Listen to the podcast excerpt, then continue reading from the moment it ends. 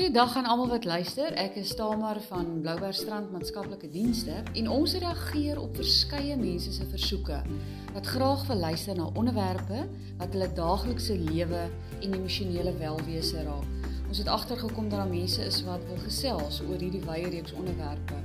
En daarom het ons gedink om hierdie podcast reeks te begin, die rooi bank. Sommige hier op die rooi bank waar ons sit en gesels en luister is wat ons hier doen.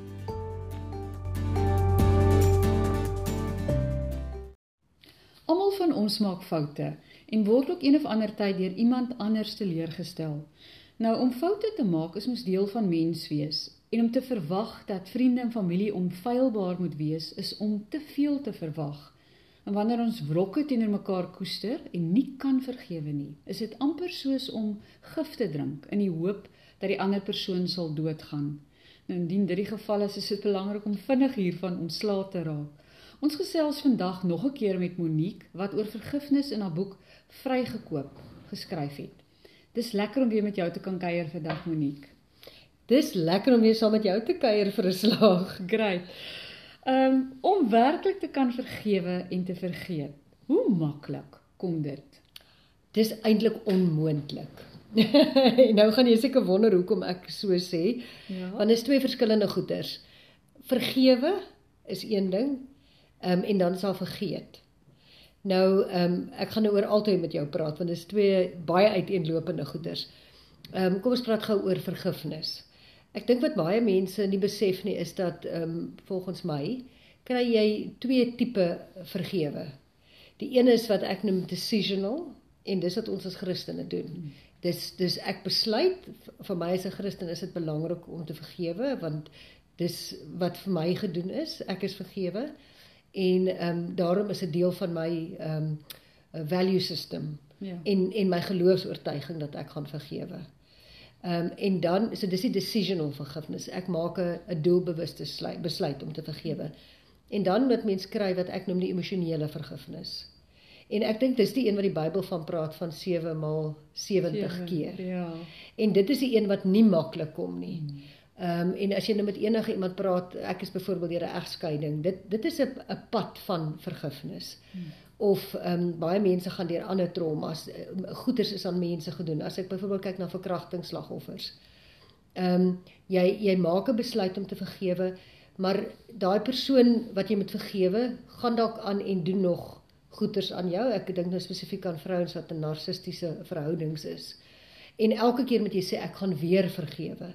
En soos jy gesond word, is dit ook 'n proses. So die gesond word is 'n proses en net soos daai vergifnis 'n proses tot op 'n punt wat jy kom en kan sê okay, nou het ek ten volle vergewe. En ek dink dis dis waar die probleem inkom met vergifnis is wat mense dink ek moet vergewe en en nou het ek vergewe, maar hoekom voel ek nog so? Hoekom raak ek nog kwaad? Hoekom huil ek nog? Hoekom ontstel die goeters my nog? En hulle besef nie dit is 'n proses van gesond word en daarom is die vergifnis ook 'n proses. Vergeet mens kan nie vergeet nie.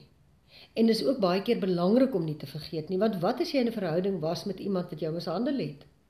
En nou sê jy ek moet vergewe en vergeet en nou leer jy nie eintlik uit daai fout nie. So, en dan ja. volgende keer maak jy weer dieselfde fout. Ja. So ehm um, mens moet dit onthou as iets wat my lewe verander het, iets wat ek moet doen om om om my reg te maak dat so iets nie weer met my gebeur nie. Ja. En daarom moet ons nie vergeet nie, maar dit moet ook nie ehm um, dis wanneer dit 'n wrok word of wanneer dit jou begin vashou soos 'n gijslaer. En en weet jy wat die die ongelooflikste ding was toe ons ontvoer was, is daar een van die vroutjies wat verkrag was in ons groep wat ek na die tyd mee gepraat het.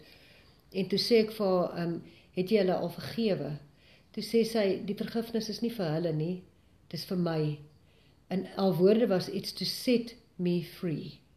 Otherwise I'll be their hostage mm. forever. Ja. So daai vergifnis, daai vrymaak, dis vir jouself. Mm. Dis nie daai mense wou nie al vergifnis gehad het nie en baie keer wil ouens nie jou vergifnis hê nie.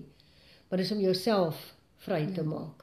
Dit sluit nou so mooi aan by wat ek nou wil sê en ek stem 100% saam. Partykeer mag mens dalk voel om te weier om iemand te vergewe vir die feit dat hulle nie hulle gedrag verander het of omdat hulle nie besef dat hulle jou seermaak nie, maar vergifnis is oor jouself um nie die persoon wat jy vergewe nie. Dit gaan oor jou ehm um, ek voel vir my dit gaan oor jou gevoelens wat jy onttrek en jy bly nie daaraan vasgevang nie. Dis reg. En dit is wat dit wat doen nie vir nie vergifnis aan jou. Mm.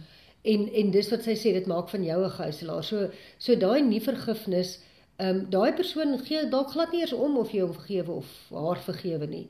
Ehm um, en en daai onvergifnis kan jou eintlik wat ek sê dis toksiek. Ja. Ehm um, ek weet van iemand wat saam met ons was wat nie kon vergewe het nie wat een van die gijslaers wat nog die reisagentskap ehm um, hof toe gevat het jare daarna en die persoon se lewe het uitmekaar uitgeval want hy het hy het 'n besluit gemaak hy gaan nie vergewe nie hy's kwaad. Ja. So ehm um, dis dis om jou uit daai donkerte te gaan uithaal en as jy nie dit kan doen nie dan gaan jy in daai donker gat en en daai persoon kan aangaan met sy lewe of hulle lewens ja, ja. en eintlik dra jy dan nou die die die die gevolg van die keuse wat jy maak om nie te vergewe nie. Absoluut. So so reg en verkeerd maakie, dis hier saakie. Ehm um, wat ek graag by jou wil hoor is hoe moet 'n mens hieroor dink om dit wat met jou gebeur agter jou te kan sit? Weet jy, ehm um, ek dink dis dis belangrik om te weet wat vergifnis is en soos ek klaar gesê dis daar's decisional, daar's emotional. Ehm um, dis nie vergewe en vergeet en gaan net aan nie. Dis baie belangrik om dit te weet. Ehm um, die ander ding is ook om te sê as ek iemand vergewe, beteken dit ek nie moet aangaan met 'n verhouding met daai persoon nie. En en dis ook 'n ding wat daar baie konflik met Christene is want ons dink nou die Bybel sê eintlik en God sê jy moet vergewe en vergeet en jy moet jou neighbor love soos jouself. Hmm. Maar as dit regtig 'n verhouding was waar jy ehm um, vernietig is of waar jy emosioneel aangeval is of fisies aangeval is of toksiek wat ons praat van 'n toksiek verhouding en is nie vir jou goed om in daai verhouding te weet nie. Hoef jy nie aan te gaan. Ja. Daar's niks meer fout om te sê ek vergewe en ek beweeg aan, maar met hierdie persoon vir my eie wat dis wat ons noem self-regulation. Vir myself is dit nie goed om daar te wees nie. Het sy of ek nog in 'n proses is, het daai persoon se gedrag verander? Nee, dalk het dit nie verander nie. Daar daar was nie 'n change of heart nie. So ek vergewe myself vry te maak, maar ek hoef nie met daai verhouding aan te gaan nie. Die ander ding ook wat belangrik is om te besef is as ek vergewe, sê dit nie die daad gaan ongestraf bly nie. Ja. As iemand iemand doodmaak, moet hulle tronk toe gaan. Daar daar's justice wat moet gebeur. So as ek vir jou sê jy het my aangerand en my geslaan en mishandel vir soveel jare, Ek vergewe jou, jy's vrygespreek. Nee. As as jy iemand beseer het of verkrag het of wat ook al, daar's justice wat moet gebeur. En so ook in die koninkryk is daar justice wat gaan gebeur. As daai persoon nie ehm um, uh, repent en self om vergifnis vra nie, gaan God se justice instep. So dis belangrik om te sê dat ek stem nie, ek sit nie my stamp of approval daarop as ek sê ek vergewe jou nie. Jou daad gaan nog steeds met gestraf word. As as 'n mens daar voortbou om onvergewensgesind te wees en dit veroorsaak woede, verander dit op die ou en die dag wie is, soos jy verwys het na hierdie ander persoon nette wat saam met julle gevange gehou is. Woede is 'n sterk en 'n destruktiewe emosie. In watter mate het jy woede sien uitspeel in mense se verhoudinge met wie jy al te doen gekry het? Weet jy, dis maar wat ons daar gesien het, ehm um, toe ons ontvoer is, ehm um, en dit is nie noodwendig woede nie. Jy weet woede is maar net een van die emosies wat wat saam met dit gaan. Ja. Ehm um, jy het bitterheid mm. wat jy sien. Uh jy het daai afgruy, jy weet ek afskuw mm. wat jy sien. En ek dink net wat mense moet besef is uh dis wat Caroline Leaf oor praat is jou gedagtes raak self toksiek. Ja. En jy maak jouself fisies vergiftig jy jouself. Mm. En weer eens sê ek dis dis goed wat terugkom op jou lewe. Dit kom in jou geestelike lewe en dit gaan in jou fisiese lewe, dit gaan in jou emosionele lewe. Kom dit terug. Daai persoon het dalk aanbeweeg. Daai persoon het nie 'n saak met jou nie. Hulle gee nie om oor jou nie. En en jy is dan nou eintlik maar die die persoon wat hierdie goed oor op jouself bring. En dis daai ding wat Viktor Frankl sê van jy kan nie verander. Jy weet mense is magtig. Hulle kan 'n klomp goed in jou doen.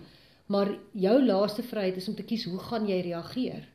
So gaan jy toelaat dat daai goed uh, so negatief op jou inwerk en jy gaan nie vergewe nie en en jy gaan kwaad raak en jy jy gaan bitterheid hê of gaan jy sê ek vergewe en ek maak myself vry van hierdie. Dis dis ultimately kom het vergifnis te doen met jou keuses, nie met 'n ander persoon se keuses ja. nie.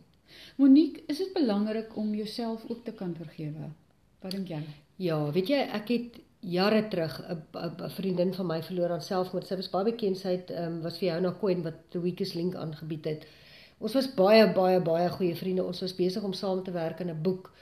Ehm um, sy was 'n fantastiese aktrise. Mm -hmm. Sy het absoluut weggesteek waar sy was. Nie een van ons het dit sien kom nie en sy het selfmoord gepleeg. En ek het vir seker 2 jaar myself nie kon vergewe omdat ek 'n swak vriendin was. Dis wat ek gedink het en omdat ek gedink het ek was nie daar vir haar nie en dit het my letterlik 2 jaar gevat om te besef maar ek was 'n goeie vriendin. Um, sy was 'n goeie aktrise. Sy het so goed weggesteek. Mm. Sy was so 'n hoë funksionele persoon wat so suksesvol gelyk het en dit so goed weggesteek het dat niemand dit sien kom het nie. En en dit was 'n baie baie lang tyd vir my om om nie daai skuld te dra en om te sê ek kom by 'n punt wat ek myself vergewe want daar is eintlik niks wat ek seker daaraan kon doen nie. So ja, en weet jy ek dink ook die belangrike ding is om om net te besef dat die vyand gedagtes in 'n mens se kop sit. En as jy gevra het vir vergifnis een keer, jy's vergewe, repent en jy's vergewe. Moenie laat die vyand terugkom en vir jou sê ja, maar jy dit en jy dit en want dit is wat hy van hou om te doen. Moet dit glad nie toelaat in jou lewe nie. Jy jy het vergifnis gevra, jy het gerepent, Jy's vrygespreek. Jy's vrygespreek die dag toe Jesus Christus vir op die kruis gesterf het. Hmm. En dan gaan jy aan en jy sê vir die vyand, jy het geen hou vas op my nie. Ek hmm. weet wat ek gedoen het is reg. En sit daai gedagtes net absoluut uit jou kop uit.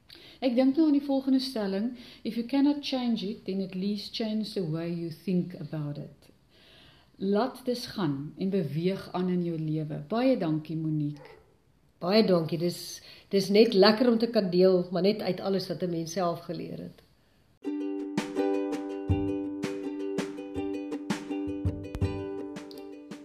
Baie dankie dat jy na hierdie podcast geluister het van BMB in samewerking met Unie Kerk Bloubergstrand.